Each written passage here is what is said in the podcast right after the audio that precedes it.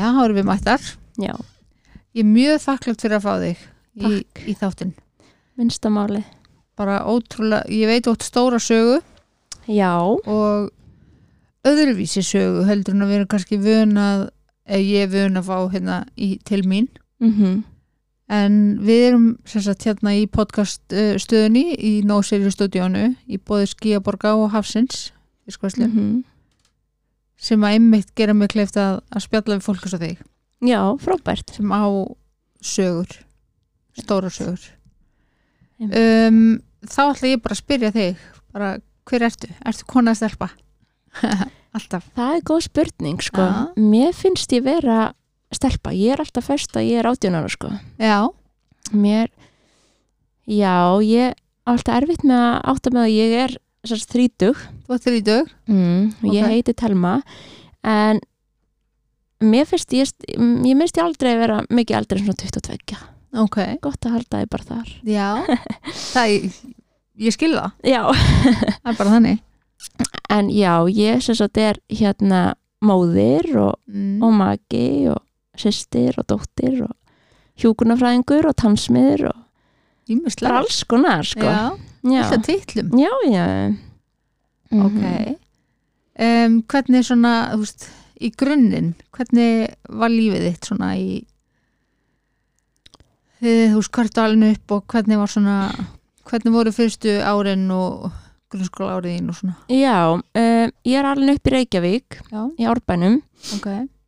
Um, átti bara mjög góða esku um, ég bara hérna alltaf verið fyrirmynda nefandi og, mm, og svolítið svona bara uh, hlétræk, Ok, feimin ok. mjög feimi bann uh, sem ég er að vísa ekki í dag en, en hérna já, ég hjælt mér svolítið til hlés og, og bara svona en hérna já, bara mér gekk ótrúlega vel lífinu og átti bara og á í rauninu ótrúlega góða fjölskyldu og, mm og hérna stuttum í rauninu bara einu öllu sko.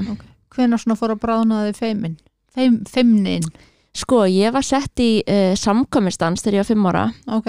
Og fórin aldrei úr því fyrir bara um, bara eitthvað um 16 ára, 17 ára eitthvað slags Ok, og það eiginlega svolítið opnaði mig. Já. Það er ekki takt að vera með feimin þar. Nei, en ég var það samt alveg. Ok. Þú veist, ég var alveg smá svona þú veist, ég var með sviðskrekk og mm, þú veist, ég var stressu fyrir þessu en ég gerði þetta samt allt, Ok. ég einhvern veginn svona bara fór út fyrir það eindir að mann og gerði hlutina. En svo einhvern veginn held ég bara að ég hef örgulega verið svolítið aðtiklisjúk innstinni Já, þó ég þorði aldrei að sína það. Ok. Þá samt var alltaf eitthvað svona inn í mér sem ég vildi mm. sína meira og, það var örgulega svona meira uh, þegar ég byrjaði vestló sem ég svona meira sprakk út sko. Ok, þá hérna um, var náttúrulega bara þú veist, ég fann mér aldrei beint í grunnskólanum þú veist, Mhm. í sérst árbæðaskóla ok. Um, mér varst mjög gaman í selaskóla, var sett upp í sjöndabekk og svo Já. fór ég yfir í árbæðaskóla og það var bara þrýr skóla, risa skólar saminuðust Já, og það var einhvern veginn aldrei fyrir mig, þetta Nei. var bara allt og stór hópur og ég var bara, þú veist, svolítið ein með vinkunum minni og við vorum bara svolítið saman. Mm. vorum duglega að læra svolítið, vorum bara svolítið í þessu. Ok, um, svo þegar ég kemur veslu þá einhvern veginn bara hérna fór ég að stunda félagslífi meira mm og það einhvern veginn var svona hópur fyrir mig. Ok. Fórstu í leikritinn og svo lös Nei, ekki beint, en ég var bara í þú veist nefndum og, mm.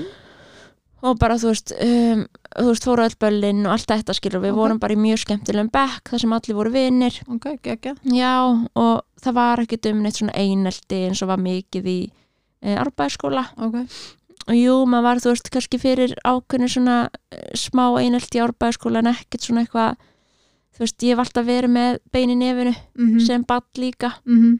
og ef ykkur þú veist, ef mér óbyggð þá svaraði ég bara fyrir mig sko. Já. þannig að það er rauninni náði aldrei þú veist, einelti komst aldrei á skrið skilur mig? Já, þannig að og svo hafði ég alltaf bara bak við eira þú veist, það sem mamma sagði alltaf um mig það var alltaf bara þessum krökkum sem er að leggja aðra einelti þeim líður illa. Já. Og þetta var einhvern veginn sem hjálpaði manni sko mm að því að maður bara já, þau er eitthvað bátt Já. þú veist. Hann að hérna en ég komst náttúrulega bara mjög vel í gegnum þetta sko, ég er bara Mhm. svolítið þú veist, bara svona þetta bara, fólk skiptir mikið máli ég er að fara Já. í annan skóla já, og þú veist, þetta bara að svona, klára þetta. já, þetta var svolítið þannig ok en ég átti ótrúlega gott líf og ég var mikið í hérna sveitinni, Mhm. mikil sveitastelpa og við vorum mikið að flakka þú veist upp í sumambústað og í sveitina og ég var rosa Ok. lítið heima um mér á sumurinn og ok þetta var bara lífið sko þetta var geggjað. bara eins og helviti fínt líf já, þetta var æðislegt sko Já. þannig að hérna gott uppeldi og já, bara rosalega fínt utanumhald hljómar allavega mjög, þannig Já. mjög og það var mikið haldið utanum bara við myndum standa okkur vel í skóla og lífi og ég Mhm. byrjaði að vinna snemma og ok, byrjaði að vinna hérna hjá pappa mínum og 14 ára og þú veist það var einhvern veginn bara svona þú veist það var ákveðin harka líka skilur Mhm. þetta var, þú veist við áttum að standa okkur við áttum Mhm. að þú veist byrja að vinna og hafa fyrir lífinu. Mm þú veist engin svona auðmíkjagangur og eitthvað Já. svona sko. Ekki bara að fá allt upp í hendina nei. Aldrei, þú veist hef við hefum aldrei verið alveg þannig upp uh, sem ég, ég til bara að vera mjög gott. Sem er mjög gott. Já. ég er bara algjörlega sammála því. Já, mér finnst of mikið farið að gefa eftir upp bönn í dag sammála því. og oft eru þau kannski ekki farin að vinna fyrir tvítugt, mm eitthvað svona sko. En það var ekki á okkar heimili þetta var bara svolítið svona, þú veist við áttum svolítið að hafa fyrir þessu og, og við eruðum held ég bara svolítið sterkir einstaklingar, þú veist, Já. ég og sískin mín fyrir vikið sko, gott um mörg sískinni já, þrjú sískinni Ok. eitt hálfsískinni og svo hérna tvo bræður mm -hmm. þannig að hérna uh, já og sýsti mín bjó aldrei hjá okkur endar en, en hérna en bræði mínu voru bara, þú veist, eins þeir voru líka Mhm. duglega að vinna og það var aldrei neitt annað í bóði, sko nei meina þannig kemur maður líka bara sterkar út í lífið. Já, ég held það, sko. Mm -hmm. þannig ég þekkir henni ekkit annað en að vera bæði að byrja skóla og vinnu og vera með marga bolt á lofti. Ég hef alltaf verið þannig og kannski æfa mikið. Mm og Dugleg. hérna já, takk, ég bara hef alltaf verið e, svolítið hérna ofvirk og, og þú veist Mm. með, eh, já, marga bolt á lofti og, og ég þrýfst svolítið á því. Mm en svo í dag veit ég samt alveg að þú veist ég þarf að fara að slaka sko að ég- maður getur alveg kert af vegg. Já, já. Það þarf að vera þessi gullni meðalvegu sem Já. er óþólandi já, sem ég kann ekki sérstaklega vel á. Nei, nei, það er alveg óþólandi en það er, er rosalega kunst það er það, það er það. Veist, það er ekkit alltaf jákvæmt að vera bara alltaf á hnefanum sko. nei, nei, en það er samt í mínum huga er mjög jákvæmt að kunna að vinna algjörlega. Þú veist, kunna að vera duglegur mm en það er rosalega kostu líka að kunna slaka á sko. algjörlega. Þannig að ég, ég þarf vel að læra hinn kostin sko. Að slaka. Já, meina það, það kemur, það, ég, er alveg, ég er að vinna í þessu núna sko. Er já, ég mig bara á því að ég er að gera mikið í einu og, og þú veist, svo er ég að vera bæði í rauninni í núna til dæmis er ég bæði í smá námi og að kenna í þansmiðinni og að vinna á spítalanum veist, mm. og móðir og Mhm. þú veist, allt þetta, þetta er bara þú veist, og reyna að mæta í rektina veist, þetta er bara, Mhm. þetta er svo mikið í Svolítið einu, mikið. einhvern veginn já. og maður kemst aldrei yfir þetta, maður er svolítið að svona, gera allt illa, svolítið, eða þú veist þetta er svolítið góð uppskrift á börnáti sko. já, ég veit það þannig að ég þarf að fara að anda já, þess að anda inn í hlutina já, það, en það kemur, já, ég vissi það, kemur. Mhm. um leið að þú er meðvitu um það já, það er gott skrif Já. sko. Já, já, algjörlega en svo þegar þú er svona aðeins eldri þú Já. kynnist hérna fyrirvændi mannin í hennum já, sko, við kynntumst í rauninni fyrir minn í það já, sko, við vissum náttúrulega af hvort öðru alltaf í grunnskóla okay. eða ég vissi sérstaklega honum ég veit ekki alveg hvort hann myndi eftir mér en, mm en hérna um, og já, við vorum sér saman í 8. til 10. bekk ok, um, ekki saman bekknum en þú veist, maður náttúrulega bara sér alltaf saman fólki Mhm. aftur og aftur og þú veist, hann var svolítið bara svona, þú veist svolítið svona hérna, kannski eins og maður segir vandræðulingur eða þannig, þú veist, Já. maður sá alveg að þú veist, hann hérna var farin að vera með kannski krökkum sem voru hérna á gráasvæði og eitthvað svona og maður bara svo var ég ekkert að pæla mér í því, ég var náttúrulega bara að gera mitt og mm var bara þessi prúða stelpa sem gerði aldrei neitt af sér sko. Já. Og hérna og svo í rauninni bara líða árin og ég klára hérna Vestló og svo var það hérna í desember hann í kringum jólin sem hérna hann sem sagt fer eiginlega öll sem sagt uh, mentaskóla árin sín. Þar uh, fer hann hérna til Noregs að vinna. Ok, hann átti sérst pappa í Noregi og, og hann var að læra kokkin líka ekkur Mhm. leiti mhm. Og fór að vinna mikið úti. Hann var rosalega duglegur að vinna. Hann, bara, hann var eh, bara brjálæslega duglegur að vinna. Og þú veist, þá var svo mikil svona eh, þú veist, kapsim í honum og hann var ætlað sér svo mikið og þetta var bara já, hann, hann var einhvern veginn svo með þetta þegar að koma að vinna sko. Ok, og hann hafði áhuga á þessu og hérna og svo, já, var þetta hann um jólin þá kom hann heim, rúglega bara í frí eða mhm. veist, í fjölskyldina sinnar og þá hérna var ég nýr bæ að Mhm. djamma, Mhm. það ég var tvítug eða eitthvað svo já, já, og, og hérna og hann e, líka. Og svo þetta var okkur skemmtista. Ég var á leiðinni heim, ég sat upp eitthvað borð með vinkonum mínum. Svo kemur hann inn bara, þú veist, þetta var öllum þrjú, fjögur um nóttina, eitthvað mm Mhm. bara að loka rosalega hress á því, sko. Já, og bara eitthvað hérna kem bara, bara með látum inn bara og sér Já. mig og hérna og svona horfir svona skringil á mig svo kannist um mig sko, örgulega frá grunnskóla. Mhm. Uh, og ég einhvern veginn bara svona pæla ekkert í því og bara ég bara, uff, eitthvað voðalega þessi örgulega fullur, eitthvað svona þú veist. en hérna og ekkert mál og ég pældi ekkert meiri því og svo fór hann á barinn og allt í henni byrtist hann með glas af mojito Já. fyrir mig Mm. og bauð mér þetta og ég bara, þú veist og ég hafði þetta lært sem máma mín sagði mér alltaf Mhm. sagði alltaf hérna þú fylgist alltaf með þegar hérna barþjóðnin er að hella í glös Mhm. og þú skilur aldrei glasið eftir og tekur það aftur já, það er bara eitthvað svona regla sem ég hafði fyrir sjálf á mig mhm bara þú veist, ég ætla svona yfir náttúrulega skynsemi. Já, Já. og þetta var ekki svona ég ætla ekki að láta byrla mér ykkur. Nei, nei, það var bara Já. ég var ofurskinsum og ætlaði ekki að hérna, lendi ykkur svona tjóni. Nei, þannig að þetta treysti ég honum ekki neitt sko. Ég var alveg viss um að hann væri mögulega ykkur rugli eða, eða þú veist eitthvað. Þannig að ég bara, ég tók í sensin sko. og þó ég var alls ekki viss sko. og hérna, þú fattar þess ekki hver hann var. Jú, jú, jú ég vissi ekki hver þetta var sko. já, og þess vegna, tókst ekki sér sinn nei ég tók ekki sensin af því að ég vissi svona smá uh, sögunans frá Mhm. því grunnskóla. Mhm, ég vissi kannski að hann hafi mögulega farið ykkur rugl eða, eða bara þú veist hérna bara ég, eila, ég bara tók í sensin af því ég þekkt hann ekki, skilur, Nei, ég þekkt hann já. ekki þá, ég vissi ekki svona við hverju átt að búast og, og sama hverju þetta hefði verið líklega, þá hefði ég ekki þegið nei, þetta, nei, þú veist, af því að bara ég sá ekki neitt bland þetta og Mhm. hann hefði getað sett allt í þetta, Mhm, eða þú veist, mhm. hver sem er þannig að ég bara ég gaf glasi frá mér og vildi einhver annar myndi fá byrlunna heldur en ég hann að hérna sem var auðvitað ekki rétt á þessum tíma en auðvitað gerði ég það bara og, og leti þess að ég hef drukkið þetta um, og svo er henni hérna bara, þú veist, gerist ekkert og, og hann tala aldrei við með neitt svoleiðis og svo líður örugglega alveg hérna hálft ár, eitthvað svoleiðis. Og þá byrjar hann að tala við mig á Facebook og spyr hvernig drikkurinn hafi verið. Hann greiðlega myndi eftir því að hafa gefið mig drikk ok, ég auðvitað laug bara eitthvað, já, mér fín eitthvað svona, veist.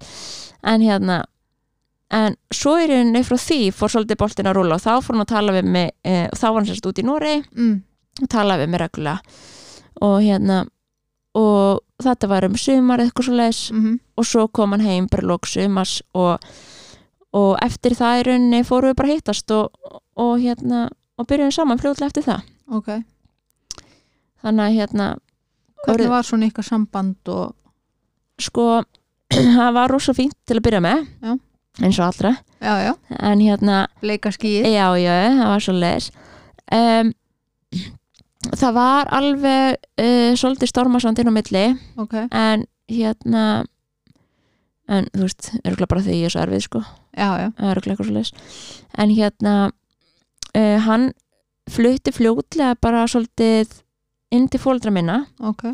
Ég bjóð hjá fóldra mínum og, og hann svolítið bara svona bjóð í ferðartösku var, að, Mhm. þú veist, var hjá mér og var hjá ömmu sinni og, og, og eitthvað svona bara flakka á hann Mhm. svolítið. Mhm, en að mestu bjóð hann bara hjá mér og Ok. við vorum það alveg í eitthvað tvö ár ok, þar til að við kiptum okkur síðan íbúð ok, í grafavóinum og vorum þar í rauninni hérna um, í rauninni alveg bara þanga til.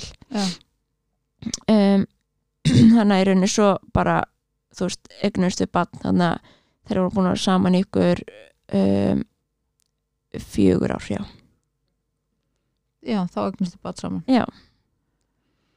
Hvað hérna um, þú á þessum tíma ferð þú í nám og Já um, ég sem sagt uh, fór í tannsmiði bara fljóðlega eftir mm Mhm. útskrift úr framhaldsskóla mm og kláraði það og svo í rauninni um, sem sagt hérna mm, svo fór ég í um, hjúkunarfræði í kjölfarið en ég tók mér eitthvað áspásu eitthvað mm leðis -hmm. uh, fór í hjúkunarfræði tók fyrsta ári þar og tók síðan pásu. Í eitt ára því þá sem sagt átti ég uh, stelpun okkar. Já. og svo í rauninni bara kláraði ég hjúkunarfræði já, og hann var í að læra kokkin og var að vinna við það Nei, hann í rauninni fór síðan sjálfur í skóla Já. og hérna í Íslandi og fór í megatróniska hátæknifræði ekki spyrja mig hvað það er að ég veit ekki sjálf. En það var eitthvað voða flott og, og hérna og hann alltaf bara ótrúlega klár. Já. og einhvern veginn hann var svona þessi típa sem sko það þekki allir þessa típu sem þurfa ekki að hafa fyrir neinu. Já, hann einhvern veginn bara svona þú veist, lasi gegnum þetta og bara já, ég fekk sjö, átta. Hann var bara svona, ha, þú veist. Menna, menna aðri þurfa að hafa meira fyrir þessu og, og læra meira og hann einhvern veginn já, bara ótrúlega klár og, og svona, þú veist, þú veist þó að hann lærið ekkert mikið þá einhvern veginn náða hann söllu, já, þú veist, og þetta var var þetta já, og fannst þetta alveg skemmtilegt en, en auðvitað krefjandi og erfitt líka, sko. Já, já, og, og hérna já og, og, og ég var þá líka að vinna með og hann einhvern veginn líka. Mm um, en já, þetta var bara svolítið sko ég veit, púsluspil. Já, þetta var það sko. En, en gekk samt alveg upp, ok, þú veist, við áttum kannski ekki mikla peninga, nei, nei, þú veist, þess að við vorum alltaf bara ung og, og svona, Mhm. en, en hérna, þetta gekk samt. Mhm. svo fór hann að vinna hérna á sumrin um, fyrir vestan á hóteli ok, og var að kokka þar og eftir að vegna þess að stelpun okkar og ég Mhm. var þar þá aðeins með honum og svo var ég heima ein með hana og svona þetta bara þú veist, gekk í rauninu útrúlega vel og letu þetta ganga. Já, það var þannig sko. Mhm. hann var ánæður þar og fannst gaman að vinna. Já, það eiginlega svona dreif hann áfram í lífinu já, og veist, honum fannst að maður aldrei skólatýpa með mig fannst það leðilegt og Mhm, átti svolítið erfitt með að læra, hann var öruglega með ADHD og mhm, öruglega ef hann hefði verið greindur með það já, sko. já, skilu um, og átti svolítið erfitt með þetta, þú veist, sitja fyrir saman eitthvað og læra. Mhm. Nú finnst mér mjög líklegt að þeir sem eru að hlusta eru búin að átta að sá að þú talar um hann í þáttíð. já, Eh, hann dó þegar hann var 26 ára. Já. gamall. algjörlega Um, ég samþykist ennilega með það. já, takk Uh, viltu segja okkur aðeins svona kannski aðdrandan að því og hvað það var sem kom fyrir? já um, um, já, hann sem sagt uh, sagt tók sér degi líf Mhm. hérna um, 16. 17. hann skráði eða 17. en það var eða 16. 16. september Ok, 2019 ok. um, uh, þá var sagt hérna uh, stelpan okkar 11 mánuða Já.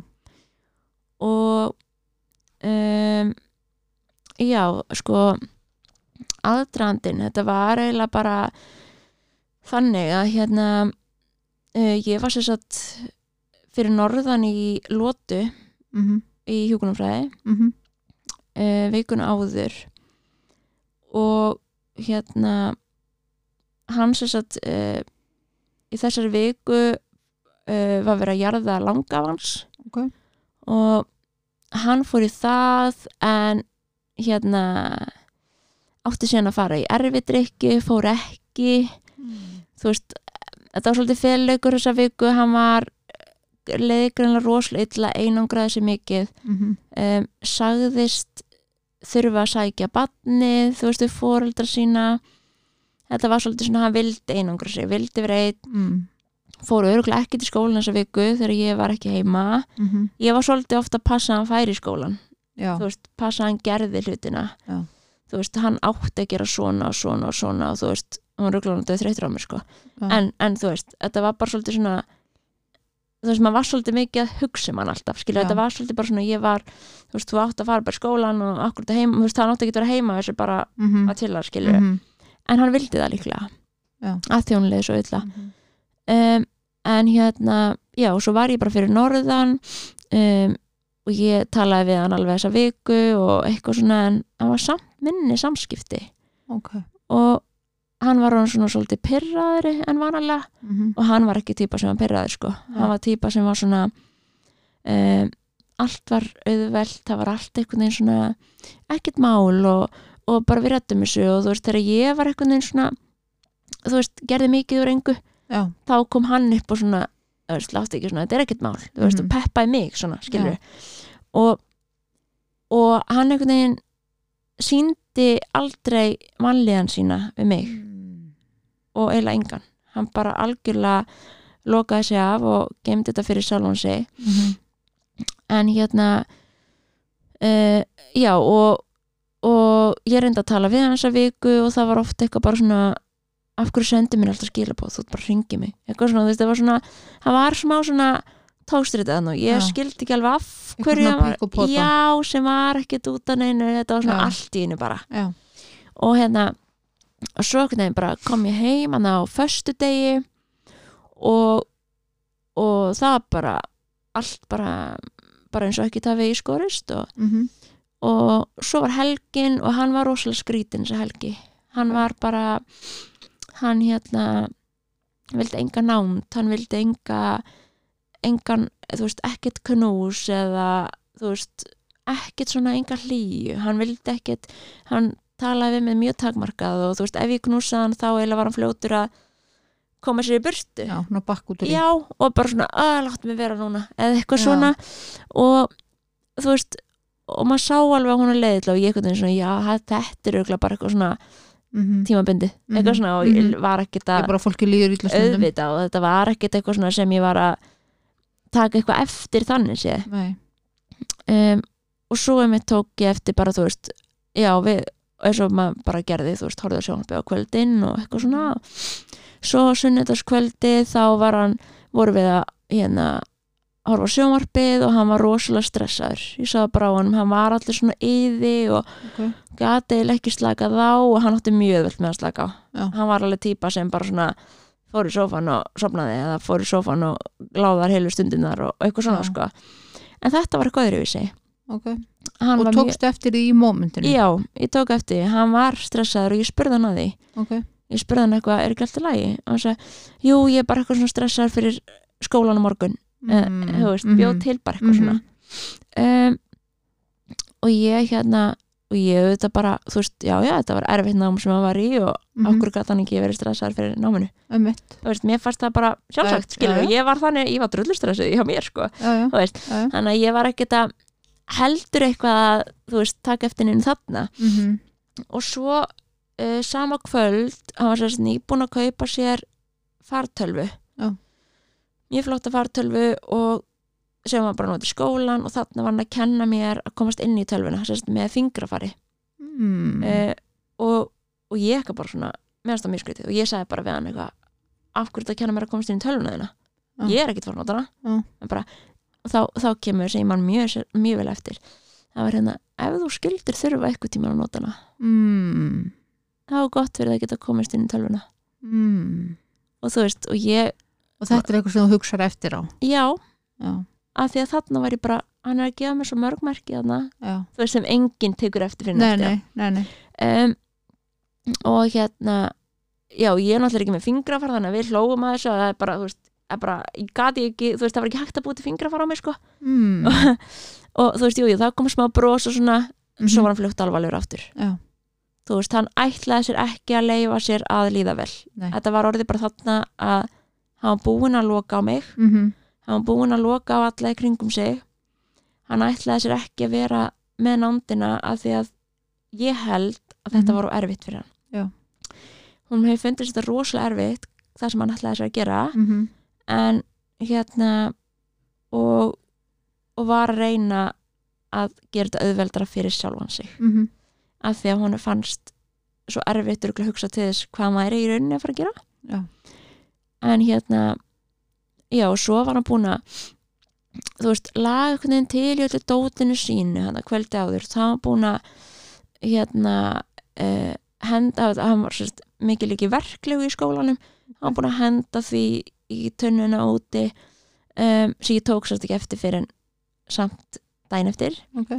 Um, búin að laga til í litlu verkvara kistunni okkar, þú Mhm. veist, allt á sínu stað, mhm, hann gerði þetta aldrei. Nei, þú veist, þetta var ekki hann, hann var ekki að taka til sko, nei. Eða þú veist Mhm. það var eitthvað undarlegt sko. Og En- en ég en ég tók ekki eftir þessu nei, af því að ég var ekki að skoða þetta. Nei, þetta var bara inn í geimslu og Mhm. mjög mm saman þetta sko. Mhm, þannig að hérna og svo er henni bara daginn eftir þá skuttla ég honum í skólana því ég var að fara að kenna og við Mhm. vorum bara með bíl og hérna og hann var í skóla í Hafnafyrði um, sérst, háskólinn var með þetta aðsettur hérna í Hafnafyrði líka mhm, hann við tjötnina Já.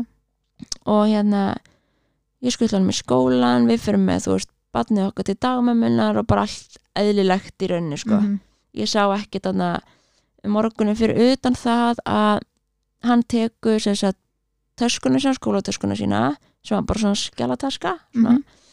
um, og tölvan hans var ekki í töskunni sem hann, hann tók alltaf töskunni með sér. Mhm, og eina sem var í töskunni voru vettlingar og húa. Mhm, Já, og ég og hann var ekki með likla og hérna og, ég spyr hann svona hérna, af hverju ertu ekki með tölvuna þina hann bara, ég þarf hann ekki í dag. Eitthvað svona, ég bara hm.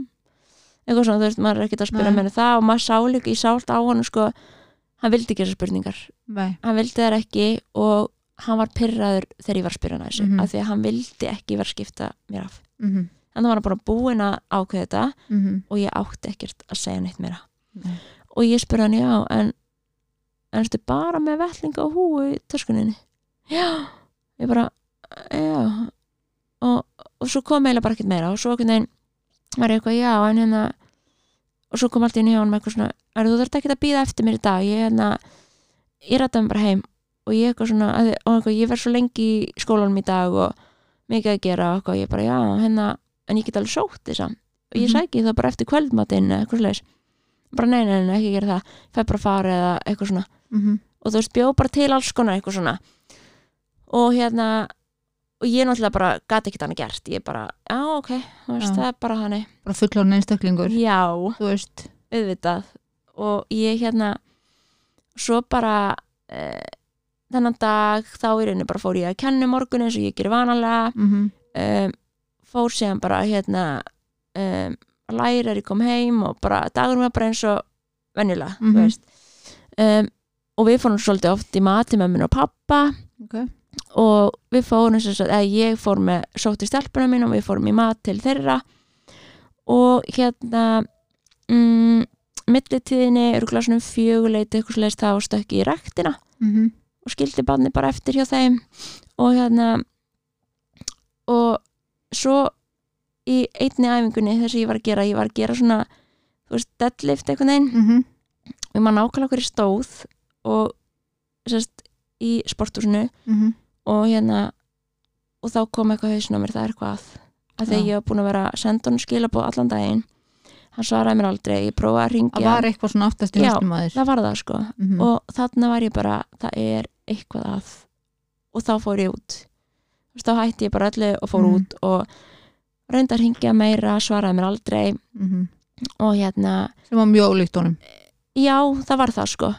Og, og aldrei neinu skilabóð frá mér og ekki neitt sko. Uh, og hérna og það var alveg bara þú veist bara þvílít að byggja, hann að ringi mig og allt þetta sko. En var þetta eitthvað tímann þar sem maður grunaði? Nei, nei, alls ekki sko. Þetta var bara eitthvað sem átti ekki að koma fyrir mig sko. nei, þetta var bara sem kom fyrir ykkur sem voru bara búin að vera í ykkur tóma tjóni í lífinu sko. mm og ekki fyrir fjölskyldu fólk alls ekki. Nei, og þetta bara þetta kom bara algjörlega bara þetta var bara fárlegt sko. Mm og svo í rauninni bara já, svo í rauninni bara uh, fer ég heim með barnið eftir mat og læt hann í bað og, og segir einhverjum frá því, sorry ég trúbliði nei, segir einhverjum frá ekki. því að þú sért eitthvað hrætt Nei. eitthvað? nei, nei, sko ég gerði ekki, nei. Ég var ekki ég var samt mjög smeg allan daginn, mm -hmm. ég sagði ekki mömmun og pappa frá því að því oft kom hann ekkit endilega í mat og Mhm. kom bara síðan eftir, veist, og ég er svona letið þetta æ, þú veist, þú veist hvernig er þetta bara svona svona, ég ætla ekki að gera úlvaldum í flugu ef þetta er síðan ekkert Mhm. og, Það- og mann ennir ekki að fá og segir eitthvað og það koma þú átján þúsund spurningar í kjölfarið af Akkúrat. einhverju sem að er svo ekki neitt akkurat, þannig að ég var ekkit að fara að ræða eitthvað hvernig er núna sambandið? hvernig er já, þetta? emitt nei, ég var Já. ekki að fara að gera Nei, þetta nei. svo einhvern veginn bara hérna uh, já, svo fór hún bara í háttinn og, og ég einhvern veginn bara og þá var klukkan eitthvað um áttaleitið og ég var búin að ringja hann stanslaust, ringdi meira senda hann mér skilaboð ekkert svar, Mm. svo allt í hennu þá hérna þá finn ég bara á mér, það er þetta er svo skrítið, Mm. þetta bara getur ekki staðist sko. Þá einhvern veginn heyri ég í fóreldrum hans eða í sérst mammans og, og já og, og hérna fjölskylduna skorta ykkur hafi heyrt í honum í dag. Já. og hérna eða viti um hann eða eitthvað. Mhm. og þá er allir bara nei. En, en hérna og, og svo heyrði ég rauninni líka í þess að hérna um, strákunum sem voru með honum í skóla. Ok, og spurði rauninni hvort að hann hafi ekki mætt í skólan og svona, hann kom aldrei í skólan nei. Þannig að þá hafði hann í rauninni þóst fær í skólan mm frá hafn, veist, úr hafnafyrinum -hmm. og lappa síðan heim allar leikra á hann mm. og hérna og þetta er heldur langt lapp þess Það er vegna var með húu vellinga og alveg Já. tilbúin í þetta sko. Mm um, já og svo sérst tala ég við mamma og hún einmitt eina sem hún, hún heyrði sérst í honum þennan dag ok, hann ringdi í hana, hún var eitthvað að fara á fund og, og hafði eiginlega ekki tíma til að tala við hann og þú veist sem var bara svona þú veist maður, eins og maður er bara, bara, já. herðu, bara ég heyri þér eftir eða þú veist eitthvað já. svona skilur Já. og hann var svona í svolítið geðsæringum hann var hlæjandi hló rosalega mikið mm. sem var mjög undalegt sko bara svona, þú veist og hann var alltaf að grínast, sem var reyndar ekki undalegt hann var alltaf að grínast í samtölunum og svona, þú veist, slóa létta strengi en þarna augljóslega var hann stressaður fyrir ykkur. Mm. og hann var þarna augljóslega að kveðja mammi sína. Já, þú veist, eina mannskjan sem hann vildi kveðja. Ok.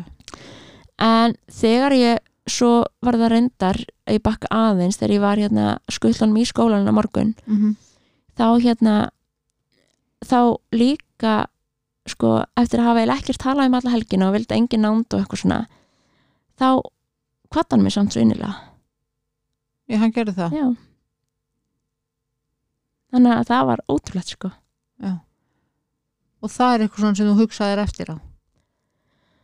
Um, já, sko hann, hann einhvern veginn svona þú veist, hann einhvern veginn svona kisti mig meira, skilur þetta svona þú veist, og þarna var ég eitthvað þú veist, eina sem ég gæti hugsa þarna var meira svona hún líður kannski aðeins betur núna. Já, þú veist, eitthvað Já. svona bara svona því að maður er bara svona, og hann er að koma tilbaka. Já, Já. þetta var eitthvað þannig. Mm þú veist, svona en dóttur ykkar, hvað þann hana?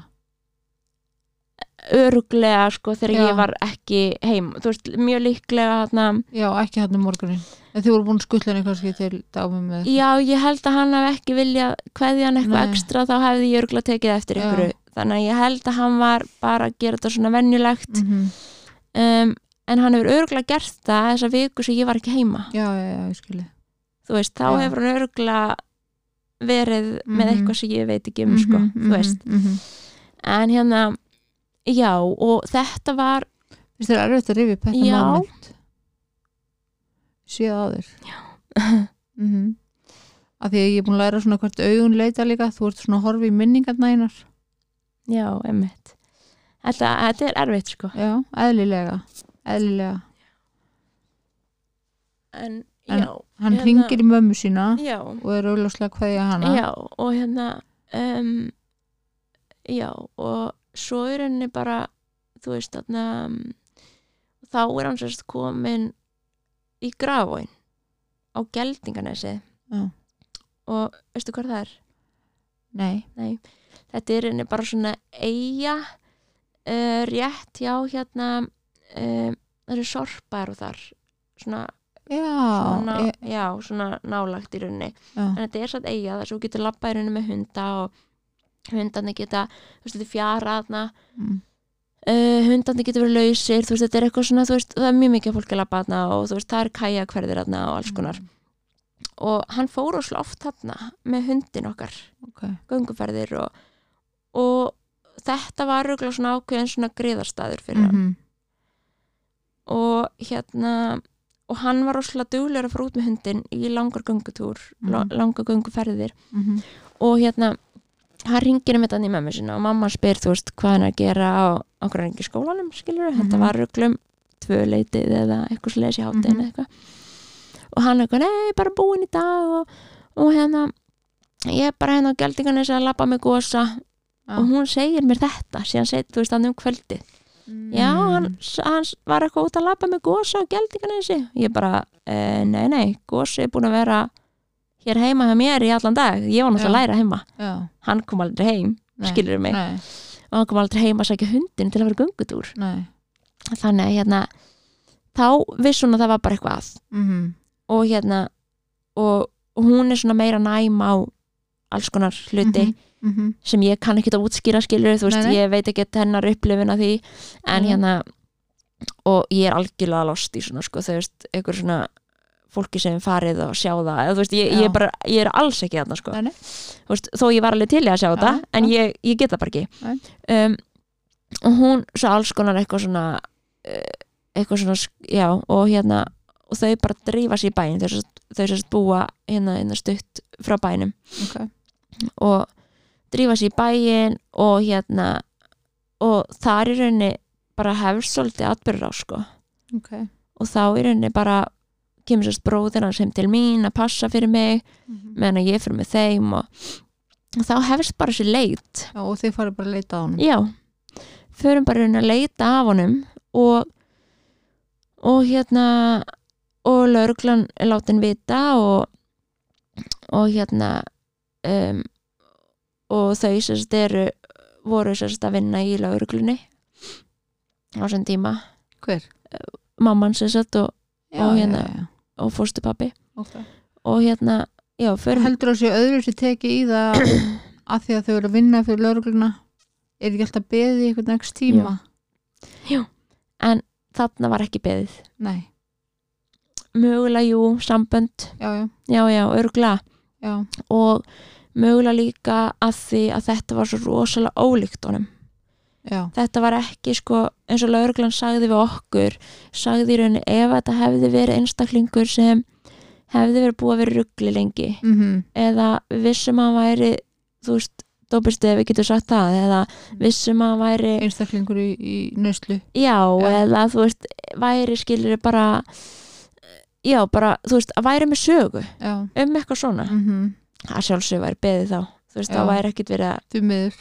Því miður mhm, sem er ömulegt sko, Já. að það sé verið að býða þennan sólarring mhm, sem við megum í rauninni ekki missa. Nei, þessi sólarringur Mjög er rosalega mikilvægur og að sé verið að býða í sólarring það getur Mhm. allt gæst á þessum sólarring mhm. Hann er mjög krúsar já og ég meina þetta var til dæmis í september og fólki sem verið úti í september, oktober, november það er ískalt þarna. Mhm, og, og þó þú sért bara fullunir í bæ eða verður úti þú getur dáið, Já, já, já, skilur þau, þó þú ætlar þér það ekki. Einmitt. Þannig að mér finnst þetta undarlegt sko. Þetta er það sko. En kannski er þetta bara því að það er ekki mannskapur eða þú veist Það getur verið alls konar ástæður sko. Mm, alveg þannig.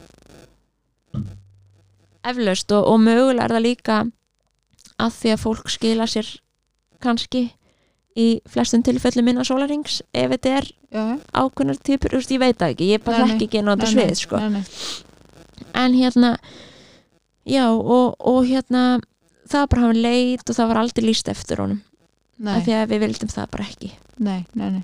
um, nema náttúrulega að það, hann hefði ekki fundist sko. Mm en hérna um, og þess vegna var þetta kannski svolítið hulið af því að maður sá þetta ekki í fréttunum já, já, þú veist, sáum þetta ekki í fréttunum eða blöðunum, eða þú veist, ekki Nei. neins starf þar sem var á lýsa. Nei, það var það ekki um, Já, við bara leituðum á samt bara sérst lögreglu og minna sérsveitin var komin inn í þetta og það var hundar og það var björgunarsveitin Mm. og það var allur pakkin bara það var bara ræst Ok. okay. all át ok, og hérna já, við leituðum út um allt og við fórum sko, við fórum í rauninni á mjög stórt sæði við í rauninni bara fórum allan grafavógin og þetta var orðið rosalega dimm mm og maður fann að ímynda sér alls konar hluti sko. já, þú veist, þeir verðt að þeir verðt að keira og þú horfir inn í eitthvað port og maður bara, þannig er hann, þú veist, já, það var það trí eða eitthvað, þú veist, maður er bara búin að búa til sér, sko.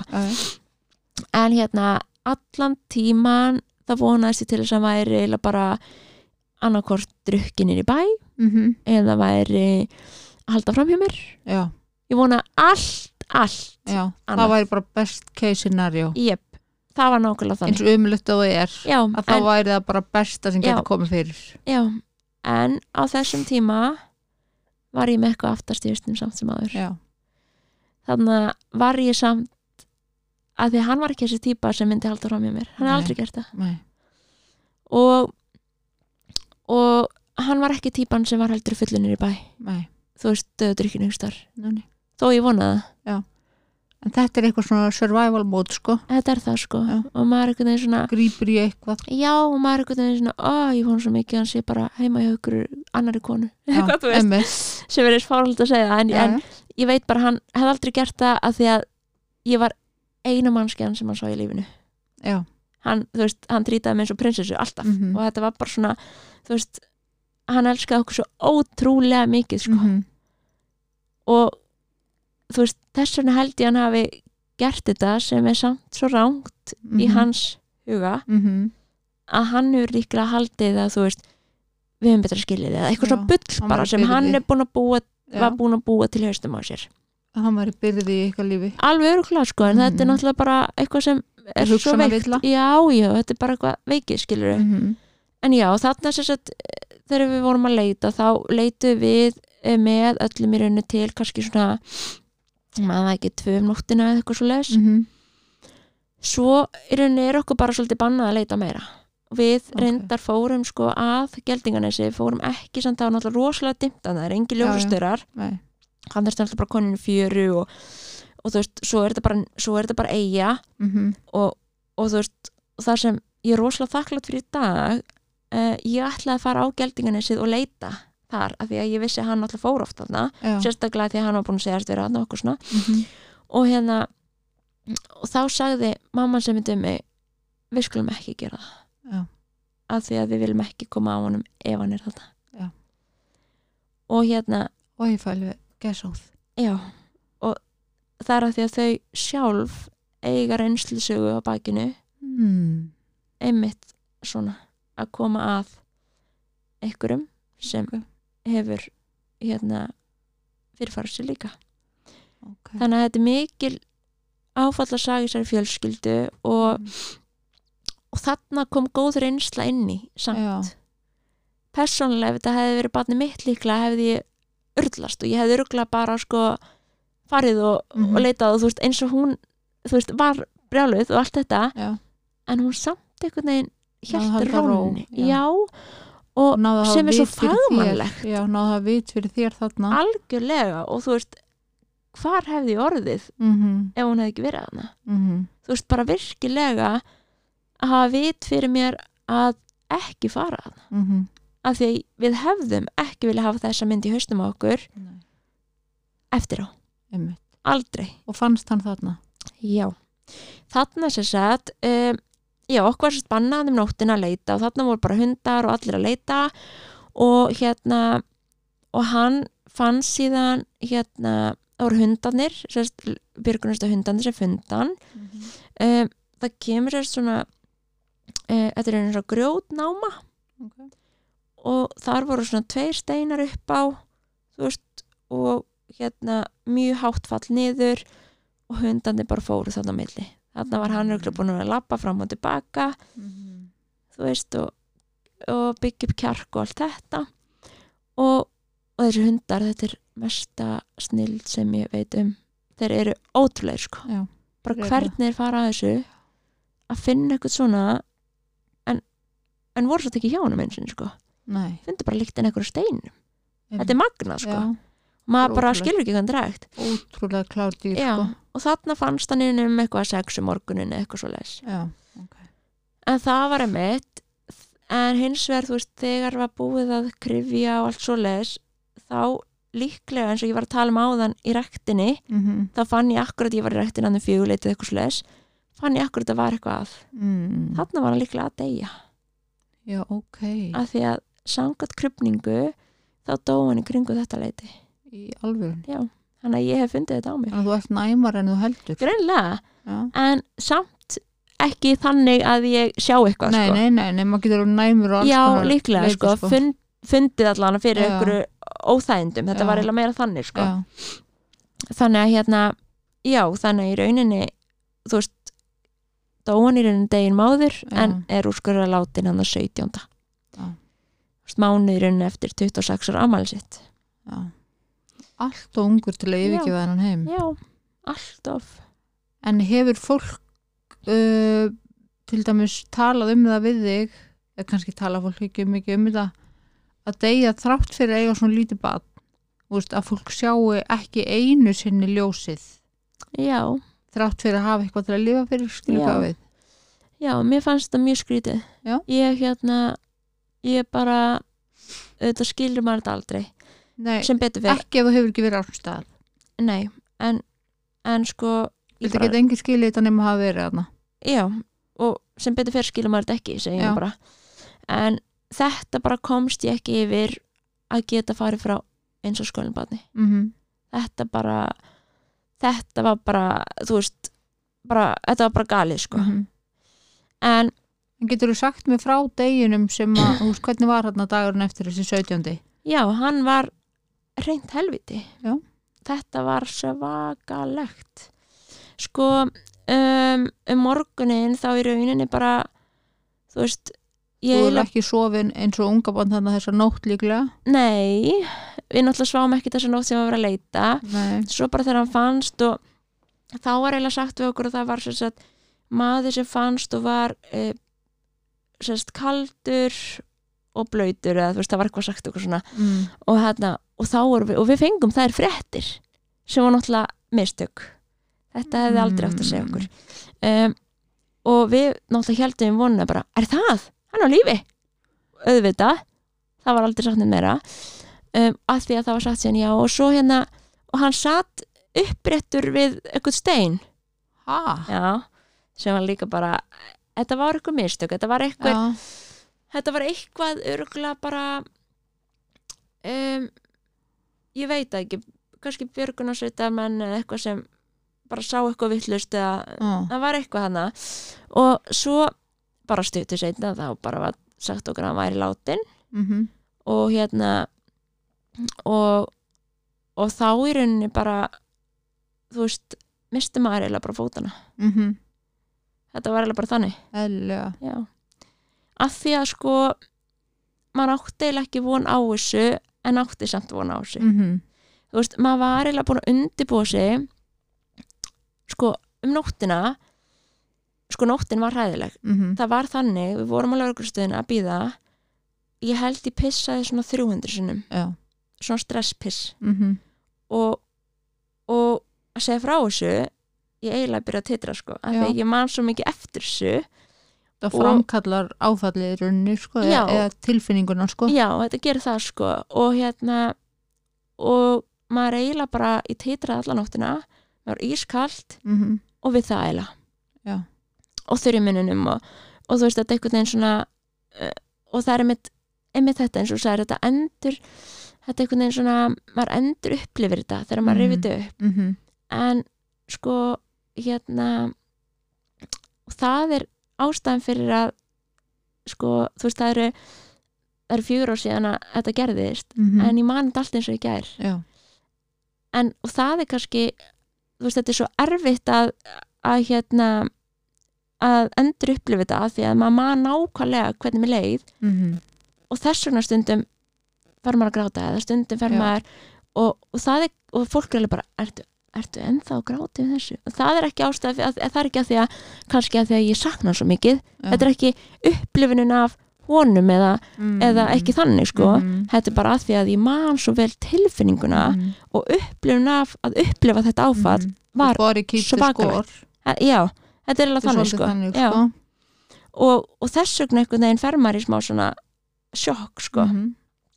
Eru tráma viðbrögð já, þetta er þannig og þetta var bara veist, þessi nótt var ræðileg maður var eiginlega Mhm. bara svona lappati fram og tilbaka og, og svona reyna eitthvað en veist, reyna að hugsa jákvætt en maður samt var með þetta alltaf mm svona baka til -hmm. og ég man líka svolítið sko þegar ég fekk þessi þessi hérna um, uh, þegar ég fekk að heyra hérna var í látin Mhm. það okkur neginn sko sko fyrstu viðbröð mín var ekki sko þú veist að ég grét svo mikið. Nei. Ég var brjáluð. Já. ég var ógæsla reið mm og ég heila bara dætt í gólfið sko. þetta Já. var heila bara svona þú veist að því að ég var búin að undirbúa með alla nóttina undir þetta. Sko innst inni, Innst þó ég sagði engum það. Nei, nei. Ég var búin að undirbúa þessa að sko, ef þú segir það uppátt já, þá myndi allir segja við þig neini, hvað vill það? Nei, Já. hugsaðu nú jákvætt ég veit það, ég veit veist, það þannig sem að megi ekki segja sko, þú mátt ekki hugsa Já. þetta sko. Að því að þú hugsa þetta þá gerist þetta sko. akkurat en hérna þannig en, að út á því ertu búin að hugsa rosa jákvætt já, þú veist, já, en innst inni ertu búin að og þess vegna kannski líka sko var sjokkið kannski ekki eins mikið og það hefði átt að vera en maður, mm, ég veit ekki hvort þú skilur mig en, en að því að ég var búin að undirbúa mig undir þessar frettir alla nóttina, þó þetta Mhm. sé nú ekki mikil tími undirbús undir, nei, nei. þá samt einhvern veginn var ég búin að undirbúa mig undir það versta Já. þú veist, að ég jújú, jú, þetta var skelfilegt en ég samt einhvern veginn ég man ekki eins eftir að hafa grátið hana fyrst nei, sem er 100% eðlilegt sem ég fannst ekki nei, þú veist, ég var bara af hverju er ég ekki grátandi þú veist, þetta Já. var svolítið, ég var það örgla síðan eftir 5 minútur og 10 minútur já, já, en fyrst um sinn var ég bara eitthvað þú veist, ég einhvern veginn bara svona styrlaðist ég Mhm. fekk örgla ákveður svona taugafall sko. Mhm. og, og það er mjög eðlileg viðbröð já, fóstupappa einhvern veginn þurfti að grípa mig og þú veist, þetta var eitthvað svona þú veist, bara svo ég myndi ekki trillast að inni á lauruglustuðinu, Já. þetta var bara og þú veist, rúglega fólki að það var nú bara jæja, ég barði eitthvað borða eitthvað bara svona, ok hún En er því. Já, en það er mjög eðlileg viðbröð já, það er bara þannig sko. já, já, líklega er það það sko. En fólk hérna, sem að missir bönni sem verður oft svona. Já. Eins og ég bara, þú veist og þess vegna er mitt, þú veist bara skilja ekki hvernig, eins og bara missa þetta bara, ég ég ætla bara 7-13, ég ætla aldrei að lendi í þessu aftur. Nei. Bara að því að ég er 100% þess að það, ég mun ekki lifa þetta af aftur. Nei. Þetta var það mikil hryllingur mm -hmm. að ég mun ekki lifa svona af aftur. Nei, og þú veist, ég skilst um ekki hvernig mamma hans er á lífi. Nei. Af því að þetta er hundrasunni vera fyrir hana en mig sko. Ég var nú bara með hann um 5 ár en hún, þú veist, þekkt hann í, í 26 ár. Já, hún fætt hann. Já, og 8 þegar hún var 16 ára að hún þekkt, ekkert annað, skilur þannig að, en það er sko svo er þetta að bera saman já, áföll sko. Veist, þetta var líka maður sem þú eignast fyrsta barnið með. Mm, skilur þetta er, veist, það er ekki hægt að bera Já. saman áföll sko. Nei, ég veit, ég veit sko, en það er gegn náttúrunni að gjörða bönni sín. Það er bara bara það á ekki gerast sko. Nei, það er svolítið þannig sko. Já, en ef við höldum áfram þú veist, eins og til dæmis bara var þetta mikið tabú þú veist, átti að svona sussa það niður Nei. hvernig hann dó nei, ok, alls ekki sko ok um, þetta var en kannski sko að því að ég er svo opinn Mm. típa mm -hmm. að ég sagði öllum þetta Já. hvernig þetta var og, var ekkert að fela neitt sko, Nei. af því að ég er rosalega mótið þessu tabu Mhm. dæmi að því að ég meina þetta er bara veiki eins og allan veiki sko. Algjörlega. Og ég meina þú veist, fólk deyr úr krabbaminni og, og fólk deyr úr þunglindi já, já, þú veist, og, algjörlega. Og hérna mér fannst þetta eiginlega ekkert öðruvísi. Og þetta á ekki að vera öðruvísi. Nei, en hins vegar var hann aldrei veikur fyrir okkur. Nei. af því að þetta kom eins og bara þrjumor heiðskjöru lofti. Mm hann var aldrei veikur, hann funkaraði allstaðar, -hmm. hann var fullkominn pappi og þú veist var alltaf hressi gæinn og alltaf bara allt indislegt og allt frábært og gata allt og gerði allt og, og einhvern veginn svona þú veist hann var aldrei veikur fyrir okkur, aldrei Mhm, nokk tíma mhm. og þess vegna var þetta bara svo bara rosalega bara bara algjörlega sem við áttum ekki vona Mm en um, allir held ég og held ég já, fara á einhvern tíma út í svona sjálfs ásökun já, sem eru aðstandandu þeirra sem að taka í líf. Já, Fúst þú við þangað? já bara Ok, alveg í marga mánuði sko.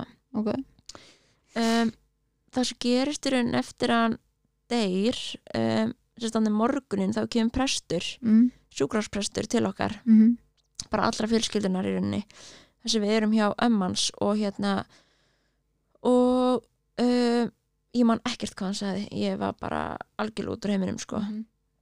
Og hérna en þessi prestur átti síðan eftir að hjálpa mér næstu ári inn og er ennþá að hjálpa mér.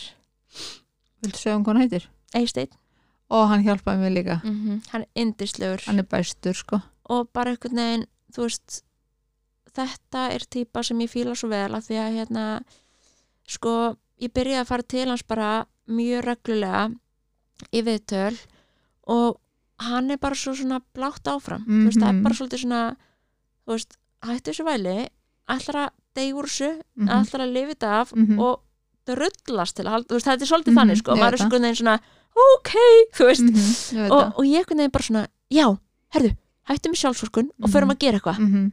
þú veist og, og ég veginn bara hann eiginlega bjargaði lífið mínu sko Líka mínu og ég get svarið það bara og þetta er bara besti náungi sem ég er geggjaður, sko. nokkuð tíman kynst og að því að þú veist maður Hann er ekki svona prestaprestur alls ekki alls ekki hann bara einhvern veginn er svona allt öðru vísi og þú veist Mhm. þetta er ekki svona sálgæslu aðili sem veist ég prófaði að fara til margar sálfræðing eftir þetta -hmm.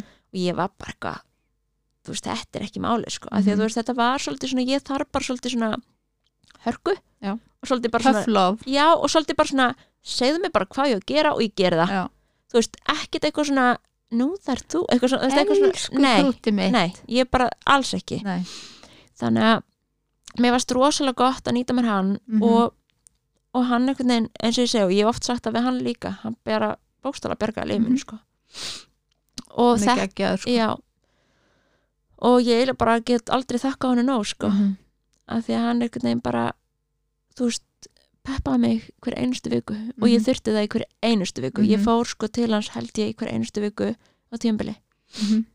og hérna en það sem gerist einmitt þannig eftir á er bara að ég er náttúrulega sko sko líf mitt hrinur eðlilega um, ég hataði alla í kringum mig Mm. sérstaklega mína nánustu mm um, ég vildi engin knús veist, engin faðmlög, ekkert elskan, ekkert hvað segir gott, auðvitað hefði ég mjög vond og þú veist, ég Mhm. saði það bara fólk sko. -hmm.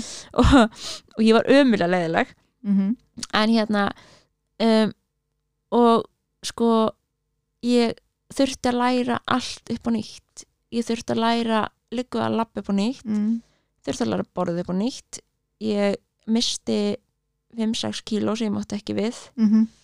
og, og ég eiginlega bara þurfti að vera á sóbril í þó nokkuð tímaðan eftir þetta því að Mhm. ég fekk svo svakaleg kvíðakost Mhm. og fór á kvíða þunglindislif líka Já.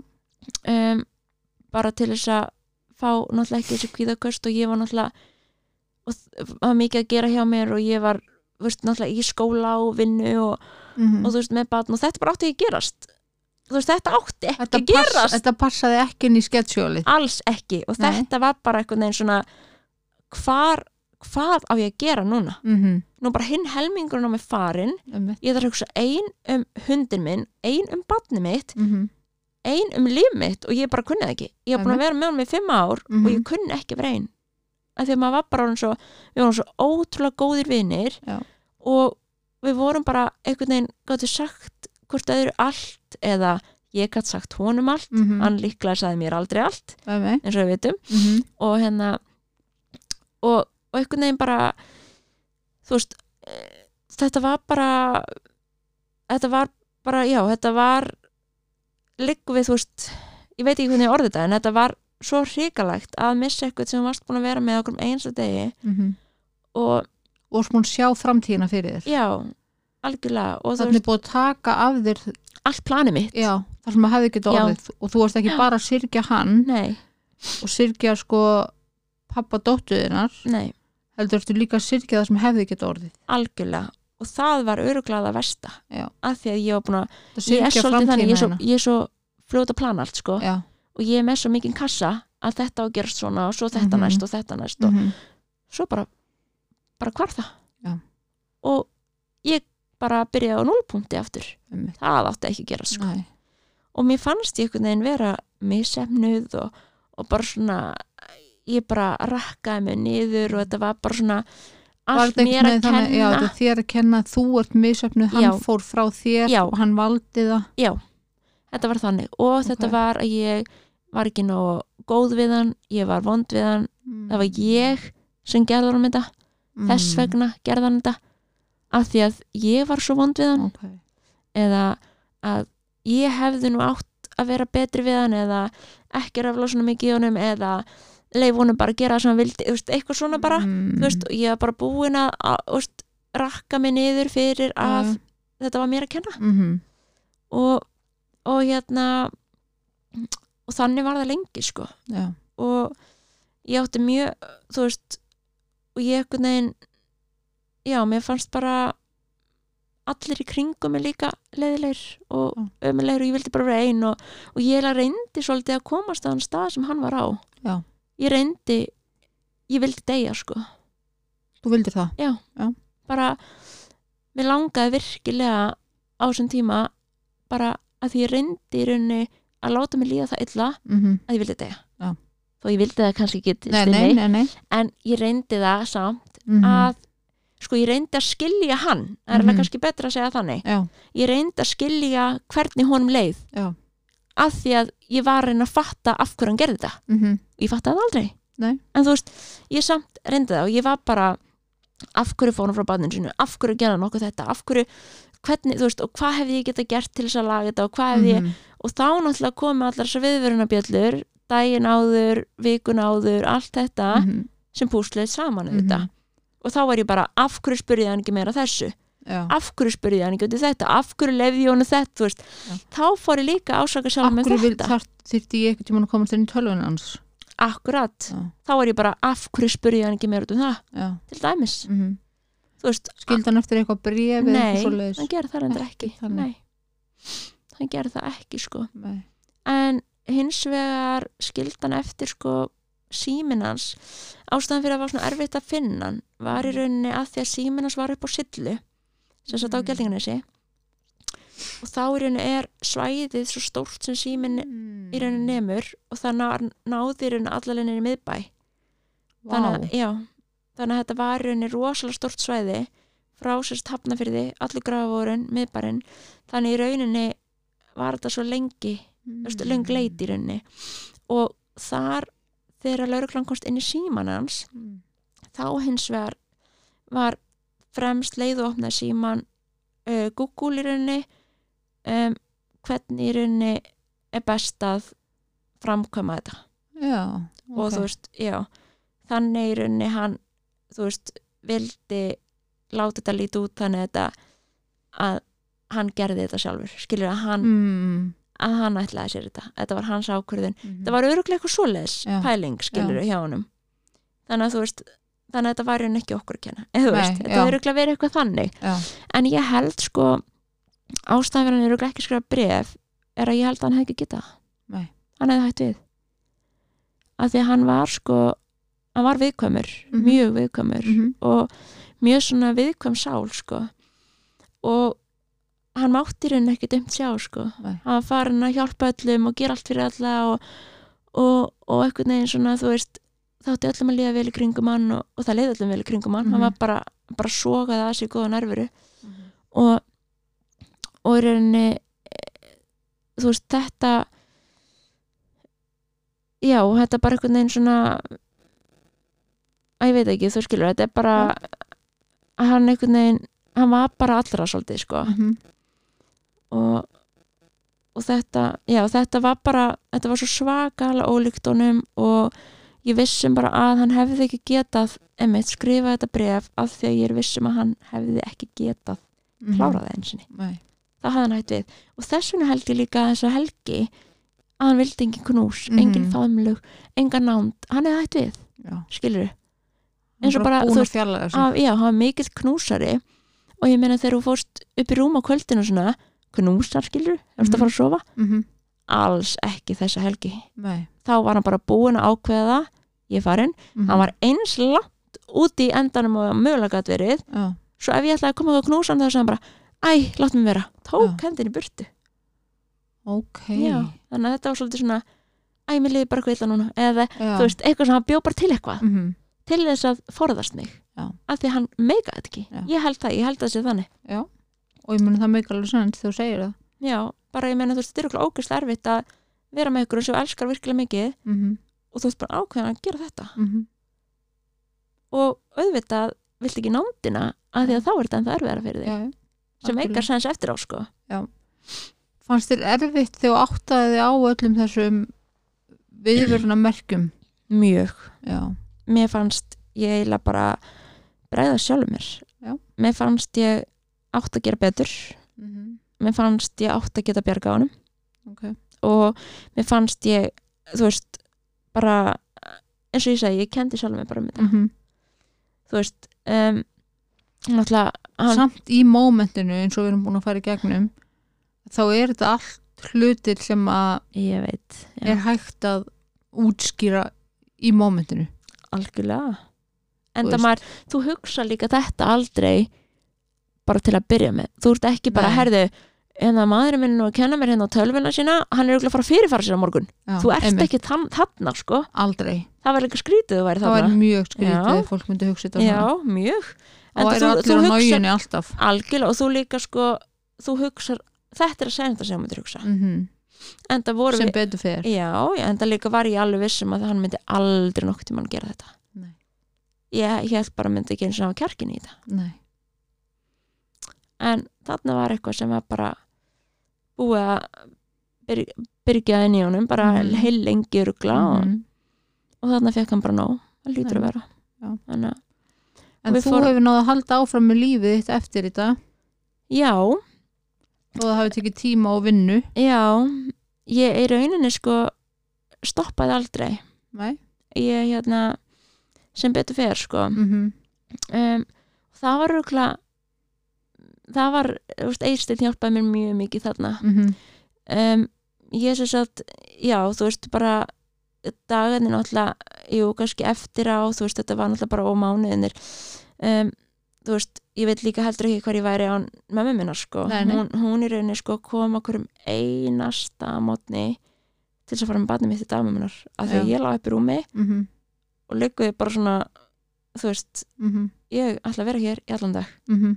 Bara svona ykkur svona og þú veist, ég gæti ekki hugsað um hana Nei. og mér langaði, ég hafði ekkert við barnið mitt að gera þetta ég vildi ekki sjá hana þannig sko Nei, nei. ég var í ákveðin svona, þú veist mér fannst hún líka leðileg sko Já, já. og þú veist, þetta er, þetta er ekki spurningum að mér fannst ekki væntum hana en eitt þannig Nei, nei, nei, nei, En- en þetta var bara eitthvað, Sorgin verður bara svo yfirþyrmandi. já, þetta var alveg þannig sko og hann veginn, ég var svo reið líka sko við hann Mm -hmm. að ég ætlaði nú ekki að fara að hugsa um barnið hans fyrir hann. Nei, nei. þú veist, mér fannst þetta bara svo ef við þeirra mandi mikið Mm -hmm. að akkurat ég hugsa um barnið hans. Mm þú veist, þetta var svolítið svona eitthvað þetta var þetta brenglun, skilur Órögrétt hugsun. Já, en, en, algjörlega. en þetta er samt bara eitthvað sem að hausin ræður ekki við sko. já, og þannig rauninni kom hún bara hverjum degi og ég einhvern veginn átti mjög erfitt með að uh, líka sofa ein þú veist, hún Mhm. gisti í sófanum frammi og líka í rauninni sem sagt, mamma hans kom líka og gisti hjá mér og mhm, þú veist, ég bara réði ekki við þetta sko, vera Mhm. ein og, og svo í rauninni þú veist, alla mótna þá eiginlega bara þú veist, þess að fyrsta eftir ég var með sko, ég eldi ég fekk bara, þú veist, upp og niður og Mhm. bara vaknaði með kvíðaköst þurfti að taka sobril ég sopnaði, þú veist, ég svaf mjög illa mhm, og þannig voru margir dagar eftir á mjög margir þar sem ég Mhm. bara var bara, bara eldi og eldi og eldi.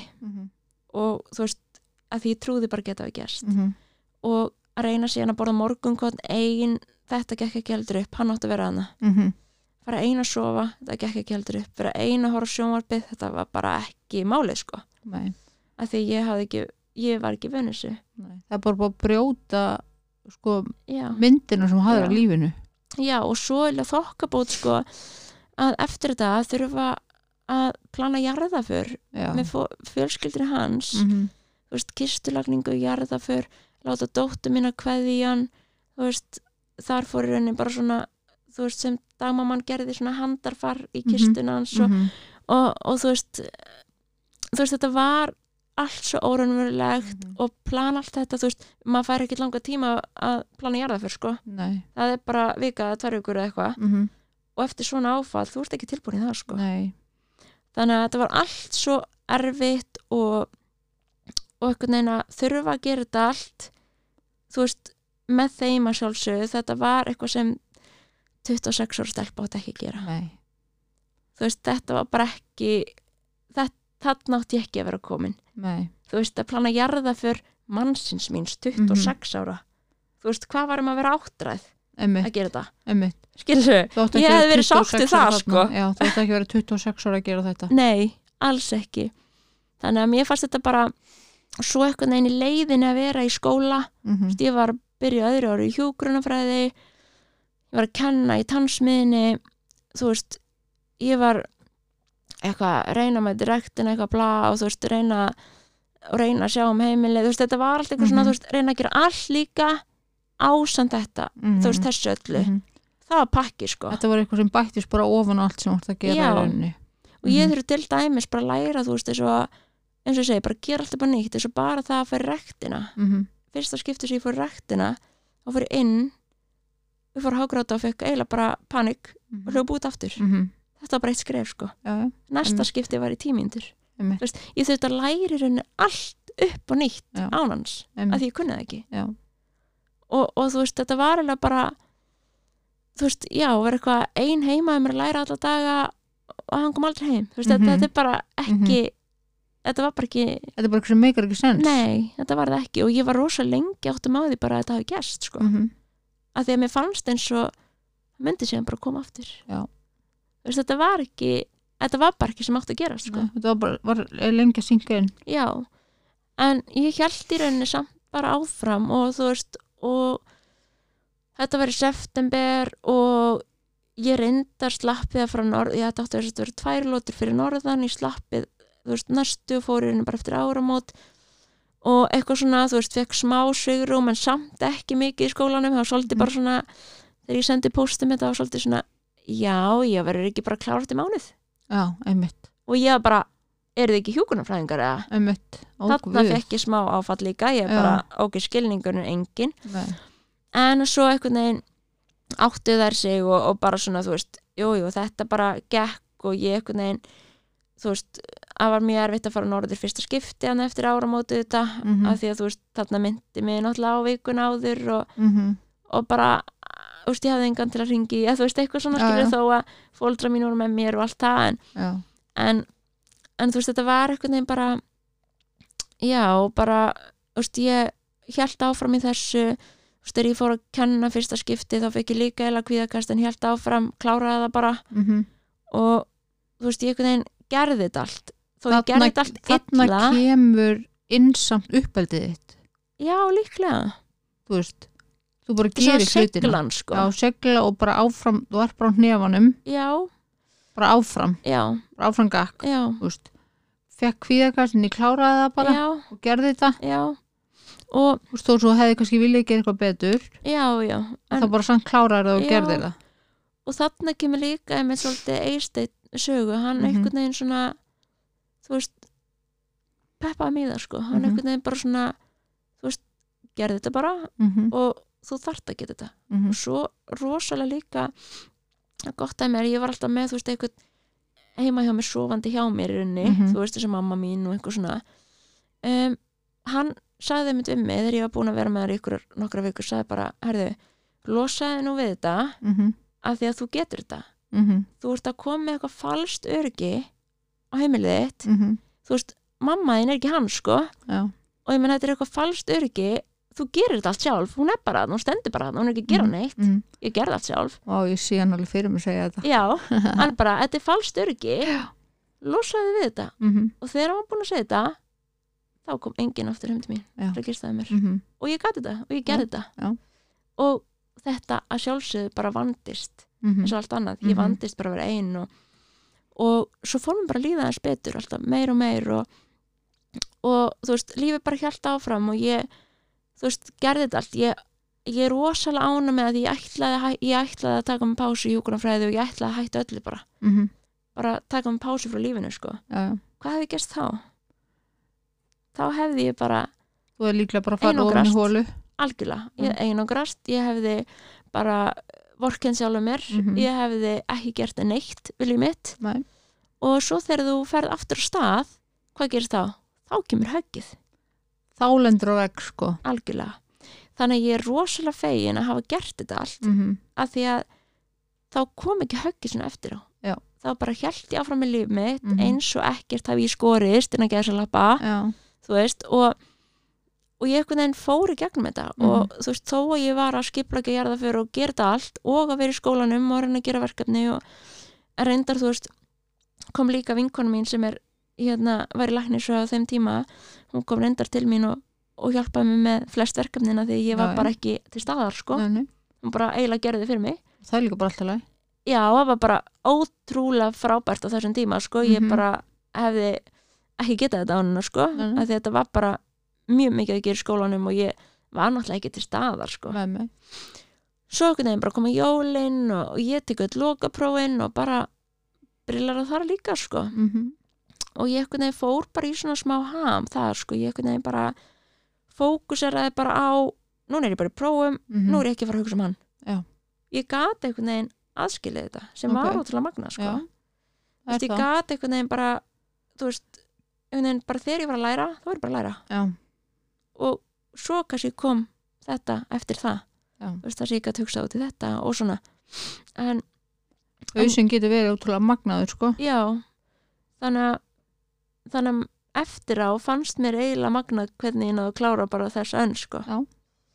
Þannig og bara einhvern veginn að halda áfram með lífið að því að já, mér, ég sá í rauninni fyrst á eftir ég held að ég myndi deyja. Já, ég held það bara, ég held í alveg að ég myndi ekki lifið af. Mm og ég held eiginlega bara að sko, ég myndi aldrei sjá sólina aftur. Já. ég sá bara engan tilgang með lífinu, engan Mhm. mér fannst bara allt tilgangslaust og, og ég skildi ekki okkur ég var eiginlega vakna mannana og bara mér fannst allt ömulagt Mhm. ég held ekki jólin, fyrstu jólin mín ok, ég held það bara ekki bara, og enn í dag er ég ekki jólabat Nei. eftir það því ég bara einhvern veginn þetta minnir mig alltaf á Mhm. eitthvað Mhm. og þó að sé ekki beint tengt honum þá einhvern veginn bara svona ég einhvern veginn bara það er eitthvað dó inn í mér annars sko. Já. og ég bara einhvern veginn hef ekki komist í jólaskap síðan þá sko. Nei, ég fór bara að vinna um jólin. Barnið mitt verið var með svona afa. Ok. Og ég bara tók ekki þátt í jólunum þessi ár. Ég bara engar jólagjafir. Og ég gef engar jólagjafir. Nei, þú veist ég var bara í þessum bakka sko. og hérna sem var mjög leðilegt en En það En- bara, var bara þannig. Þetta var bara þannig og svo kom bara jólin ára eftir sko. Einmitt. og svo er henni bara já, hjælt lífið áfram og, og fljótlega síðan eftir áramót fór ég nú að sjá sólina aftur sko, Ok, fór aðeins að byrta til og ég eitthvað einn svona fór að líða betur og þetta var ekki eins svona mikið helviti og þetta var, þetta var náttúrulega bara erfitt sérstaklega þannig kringu jarðaföruna og, mhm, og þú veist, eins og bara bara í jarðaförunni, ég var bara svo bríl sko, já, var bara róandi og, og þurft, og ég man ekkert mikið eftir þessar jarðaför sko. Nei, þannig að þannig að þú veist, maður einhvern veginn fór í svona svo, svolítið survival mode bara, Mhm, ég ætlaði bara að lifa þetta af. Mhm, það var svolítið þannig. Mhm, og svo bara já, svo einhvern veginn var lífið bara betra og betra með hverju mánuðinum. Já. sem leið. Allt upp á við já, rauninni, sko. það var það sko. Já. þó að ég en í dag þó að sé sko þú veist, fjör og síðan þá Mhm. hugsa ég rosaloft til hans. Já, og einhvern veginn bara sko hérna þú veist, fyrst um sinn sérstaklega þá hugsa ég rosa oft sko hvað myndi hann segja mér að gera? Mhm, hann var alltaf með þessi ráð og, ok. og þú veist, þetta var oft svona eitthvað svona uh, þú veist, hvað myndi hann gera í þessum sporum eða, Æ, það er fallegt. Já, og einhvern veginn svona, þú veist maður gæti alltaf leita til hans, hann kom Mm. alltaf með eitthvað svona, þú veist eitthvað góða pælingar eða góð ráð og þú veist, hann var alltaf eitthvað, hann var svo, hann var svo klár og bara, mm. þú veist, einhvern veginn með allt á hreinu fannst mér sko, mhm, þó honum fannst ekki. Nei, en hérna en já, bara já, svo er henni bara um, uh, liðið mánuðinir og, og enn í dag sagði ég alveg til hans og, og mhm, þá líka og, og við tölum mikið um hann hérna við stelpuna mína. Mhm, og við fyrir mjög reglulega á sérstaklega þú veist ammælistögum og jólin og allt þetta og fyrir við í kirkgarðin ok. Hún kveikir á kerti og, og það er hún veit hvað mynd með honum og, mhm, og svona, þú veist, þannig að þetta er allt, allt mjög fallegt sko. Já. og hérna þó að hún í rauninni þekkir hann eða þekkt hann ekkert já, þá, hún er alltaf bara það lítil þegar hann deyr. Já, en hann var ótrúlega góðu pappi Já. hann var svona hann var alltaf að gantast í henni og alltaf að Mhm. stríðinni og Já. alltaf svona þú veist og hún er ótrúlega líkonum mm, sem er rosalega gaman, hún er rosalega sko líkonum í útliti ok, að ég hef ekkert í henni sko. Það Nei. er bara, og það er svo gaman í dag. Já. Þegar hann er farin að það er eitthvað hérna sem er alveg eins og hann. Mhm, og meiri sér svona hvernig hún lætur og, og svona konur stríðin og allt svona, þú veist, þetta er bara hann. Já, og það gefur held í fóldrum hans rosalega mikið. Já eru góð samskipt til dæmis við hérna fjölskylduna. Já, hún er mitt, hérna, dóttir mín fer til um, fóldra hans uh, bara aðra okkur helgi, bara eins og svona pappa helgar. Ok, það er frábært. Mhm. og það er mjög dýrmætt. Mjög. Og það er ekki, sjálfgefið sko. Nei, nei, nei, og þau einhvern veginn bara tóku strax við boltanum sko. Ok, þau voru jafnvel til í að hafa hana bara viku og viku þú veist ef ég hefði viljað það sko. Já, ok. Þannig að þau bara þau alveg taka hana mhm, allan daginn að sér sko. Já, og dásanlegt já og hún er bara með risa herbyggi á þeim og já, fullt af dóti og miklu með dóti en heima hjá mér og, og þú veist það er prinsessulæti og það er alls Já. konar þú veist þau leika við hana er og þannig að hérna já og þú veist og ég held eða líka bara þú veist ef hún var ekki til mhm, þá væri þú veist þau lifa svo mikið fyrir hana líka þú veist þetta er eitthvað sem gefið þeim held ég Mhm. ótrúlega mikið að hafa hana. Pottið hún bara er eitthvað svo hún er framlenging á honum. Já það er alveg þannig. Mhm, þannig að hérna þetta er einmitt ótrúlega fallegt sko. Já. og já og svo er rauninni bara hérna uh, kynnist ég sér satt núverandi manninu mínum Já. um, átta mánuðu setna ég var sér satt ótrúlega fljót ef hægt er að segja það mhm, að hérna um, ég veit ekki hvernig best orða að ná mér eftir þetta eða sko ég kemst náttúrulega aldrei í gegnum þetta. Mun aldrei kemst aldrei yfir yfir þetta, já, já, ég menn það. Ég kemst aldrei yfir þetta í rauninni en ég læra að lifa með þessu. Mhm, og, og eiginlega sko eftir alla tímanu í ægisteinu og allt sem ég hef gert í rauninni og ég fór bara svolítið svona eftir bókinni, ég var Mhm. rosalega mikið að vinna í því að komast yfir þetta. Mhm, ásett því að gera allt hitt líka sko. Mhm, en bara það að vinna í þessu og ég ætlaði mér mhm, að komast yfir þetta eins mikið og ég gat mhm, og get. Mhm, og, og þarna tók ég bara átta mánuði í þetta. Mhm, og ég var hann ótrúlega góð andlega miða við allt saman Já. eftir sáttamáni Ok. margir taka mörg ár í að Mhm. komast yfir svona. Mm og bara almennt að geta farið aftur og hitt annan Mhm. einstakling Mhm, skiluru mhm. eða þú veist, eignast annan maka það tekur oft mörg ár fyrir fólk Já. og ég skil það mjög vel sko Mhm. og þannig einhvern veginn var ég svolítið svona, er þetta sne? Já. Varstu hrætt um hvað fólki finnist? Já, mjög Já. mjög, ég var rosalega þarna var ég mjög hrætt um hvað fjölskyldur hans finnist Ok. og Hvernig tóku þau þessu? bara ágætlega þeim fannst það nú frekar snemt fyrst Ok. en svo bara róaðist það sko Já. þetta var held ég samt bara aðalega því að auðvitað er erfitt að sjá Mhm. mig með einhverjum öðrum en síni þeirra Mm -hmm, átti bara að vera þannig Eðlilega. og þetta átti aldrei að vera svoleiðis að ég átti að vera með einhverjum öðrum eða þú veist, þetta bara passaði ekki inn í bókina sko Nei, og ég skildi það mjög vel sko en svo Mhm. bara svo bara þú veist líður tíminn og fólk bara Mm bara getur ekki annað gert en þú veist það Mhm. veit líka alveg að þú veist ég bara held áfram með lífið já, og, já. og maður ætla nú ekki að vera einn að eilifu og svona sko nei. en já, ég var eiginlega ótrúlega ána með bara hvað það tók stuttan tíma miða við allt saman þó að sko þetta verður allt mitt líf mitt verkefni 100% þetta er, þetta er eiljar verkefni Já. og, og þetta er sko erfitt og ég á mína erfiðu daga sko Mhm. alveg og, mm -hmm. og það getur verið mjög erfitt að sko eiga annan maka en samt eiga maka sem dáin eh, Já, ég já, veit já. ekki, Já. já, að því að sko fyrst um sinn þá fannst mér eins og ég var að halda fram hjá honum þó var ég dáin, Já. þetta er mjög skrítið að því að við vorum aldrei hægt saman já. þegar hann deyr þá náttúrulega vorum við ennþá saman Já. og svo byrjaði ég með honum uh, manninu mínu núna Mm og mér leið bara eins og ég var að halda fram hjá honum af því að Ég voru var, basically ennþá saman. já, mér fannst þetta eitthvað svo skrítið sko Já. þannig að ég hérna, Meikar sens þegar þú segir það, sko. mér fannst þetta óþægilegt sko Já. en svo einhvern veginn bara let maður bara, þú veist, maður var ekkert að ómikið að pæla í þessu Nei. og hérna já og, og hérna og núverandi maður minn bara indislegur sko, Mm. bara tekur barninu mínu bara eins og sínu eigin og hefur gert frá upphafi Mm -hmm.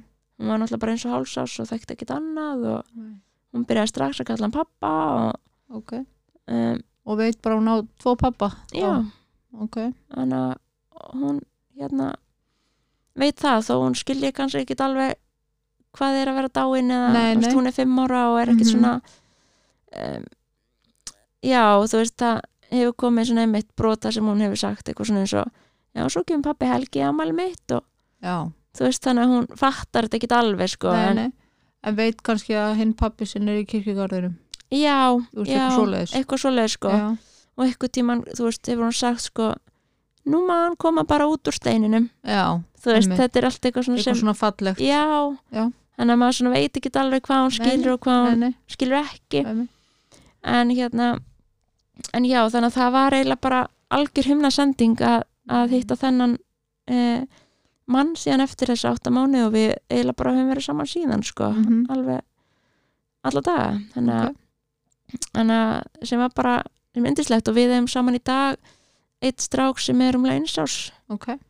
Það var svona legt. sem hérna um, og í rauninni eh, sem sagt fyrir um tengdafóldra mínir, þeir eru í miklum samskiptum líka, eða í rauninni sambandi við okkur varandi hann hann, Mm. hún, þau, hann hefur til dæmis farið í pössun til þeirra og, og hérna og mamma sem sagt uh, fyrirvarandi magans míns er guðmóðir hans Ó, það er fallegt. já og hann er einu skýrður líka í höfuð á uh, fyrirvarandi manninu mínum Ú. þannig að þetta er alveg mér finnst þetta ekstra fallegt Já, og, þetta er mjög fallegt. já, Og mikil tenging. já, og indislegt líka hvernig, hvernig uh, maðurinn hefur tekið þessu. mjög Mjög fallegt. og ótrúlega hann hefur staðið bara baki á mér allan tíman og þú veist, Mjög ósjálfselst. Já, og hann er mitt kemur með okkur á, þú veist, leiðið hjá honum og, og lagar til í því og, og alls konar svona sem er sem bara ekki, Ekki sjálfsagt. mjög fallegt. Já, þannig að það er hægt að eiga fallegt líf grátt fyrir svona stórt áfall. Já, en það tekur tíma á vinnu. Rosalega, það tekur rosalega mikinn tíma og mikla vinnu. Og er örugglega allt lífið að vinna í þessu. 100% já. Og mér finnst núna einhvern veginn sko, finn ég meiri sorgvarðandi stelpuna mína. Já. Þú veist, að því að áður fyrir var þetta svo mikið sorgvarðandi mig. Mm núna finnst mér meiri bara mest mér sorglegt í raun að hún fá aldrei að kynnast alvöru pappa sínum. -hmm. þó hún hefði frábæran pappa í dag og allt Já, svoleiðist þá kynnist hún aldrei blóðföðu sínum. Já. og mér finnst það svo sorglegt að því að hann var svo ótrúlega góð manneskja Mhm. að ég get ekki sagt henni nóg mikið frá því. Já þú veist, mér finnst ég ekki veist, hún hefði svo mikið þurft að kynnast honum Mhm. og en á sama tíma er ég ótrúlega fegin að hann gerði þetta þegar hann var svona lítill Mhm. en ekki þegar hann er fjara fimm ára já af því að, ef hún ætlu annar bara að gera þetta ja, algjörlega af því að þarna tóku við áfallið frá henni mm -hmm. sem ég er rosalega ána með einmitt hún upplifði aldrei þetta áfall Nei. fyrir utan bara kannski mömmu sína sem var Mhm. brjáluð og okkur svona sko. -hmm. en hún upplifði aldrei þetta að missa pappa sinn. Nei, og það er ég ótrúlega þakklátt fyrir. Algjörlega. Þannig að ef við ættum að segja eitthvað þá valda hann rétt að tíma setningu. Þannig séð einmitt, með að við hennar aldur. Af því að ég er ekki vissum að ég hefði getað þetta bara ef hún hefði verið fjara fimm ára. Mm -hmm. útskýra fyrir henni hvað hefði einmitt, það bara er rosalegur pakki. Einmitt. Þannig að og svo setna mér fær hún bara að vita allt sko. Og það Já, er bara og það er einhvern veginn regla hjá okkur líka. já og það er einhvern veginn regla hjá okkur líka að ég, ég líka aldrei að henni. Nei, ég segja aldrei ég bý ekki til neitt. Nei, þú veist, hún hefur spurt hvernig hann dó og, og svona, þú veist, og ég segi kannski nákvæmlega nei, að, þú veist, að því hún skilur það ekki. Heldur fer ég svona næstu í þangað, Mm -hmm. þú veist andatt, eitthvað slis, Mhm. eitthvað, Mm -hmm. þannig að þetta sé nær sannleikarum, þannig að og ég ætla ekki að það mun ekki vera þannig að hún mun frétta þetta í skólanum eða leikskólanum, ég verð búin að segja henni þetta allt að því að það er það hættulega þegar að börnin frétta svona hluti Mhm. frá leikskóla eða skóla eða vinum Mhm. eða eitthvað svona Mhm. og fóldrarnir hafa ekki sagt frá það getur bara enda illa mjög mm og, en, en já, þú veist, það er sorgin mín í dag er meiri þessi bara að hún fá ekki kynnast honum -hmm. og, og svolítið svona þú veist, ég hefði viljað að þau hefði fengið aðeins meiri tíma saman Mhm. þó að þú veist þetta skiptir hann ekkert máli í dag en, en, en í framtíðinni held ég að hún muni meira eh, þú veist og ég held hún hefði viljað kynast honum að sjálfsögðu þú veist, þetta er svolítið svona minnst það svolítið erfitt að hugsa til þess sko það, það er vondi hjarta já, það er það En- ég já. því vel já, en, en algjörlega það er samt hægt að eiga ótrúlega gott líf og ég á rosalega gott líf í dag veist, við Mhm. erum með þrjú börn og, og bara lífi gengur ótrúlega vel og, Mhm. og það er í rauninni veist, við erum, veist, ég er í góðri vinnu og, og börnunum mín líður vel og, og Mhm. það er í rauninni þú veist og og einmitt þess að ég get aldrei þakka fóldri mínum eða fjörskildur minni eða, eða einmitt eistinni nóg mikið Mhm. fyrir sko, af því að Mhm. þú veist, þetta var veginn svona þú veist, þau bókstarlega bara björguðu lífinu, sko, þau voru veginn að halda mér bara uppi, sko, -hmm. og sem, sem hjálpaði mér þannig að ég komst í gegnum þetta akkurat þannig að, ég held að það sé bara mjög góð loka orð í okkur já, það ekki? ekki ég held það, bara Já. takk æðislega fyrir að vilja deila þessar sögu með okkur já, bara takk fyrir mig takk fyrir að koma og takk fyrir að lusta takk fyrir